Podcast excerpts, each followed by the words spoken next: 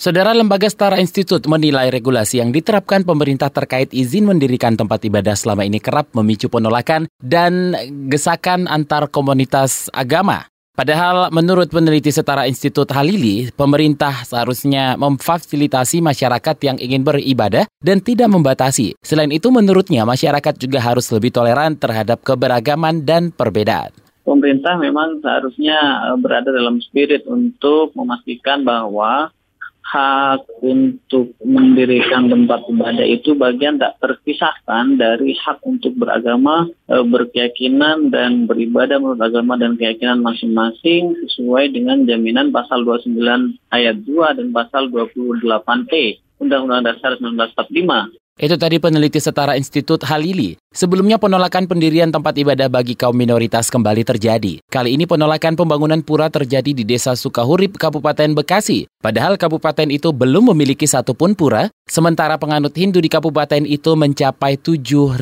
orang.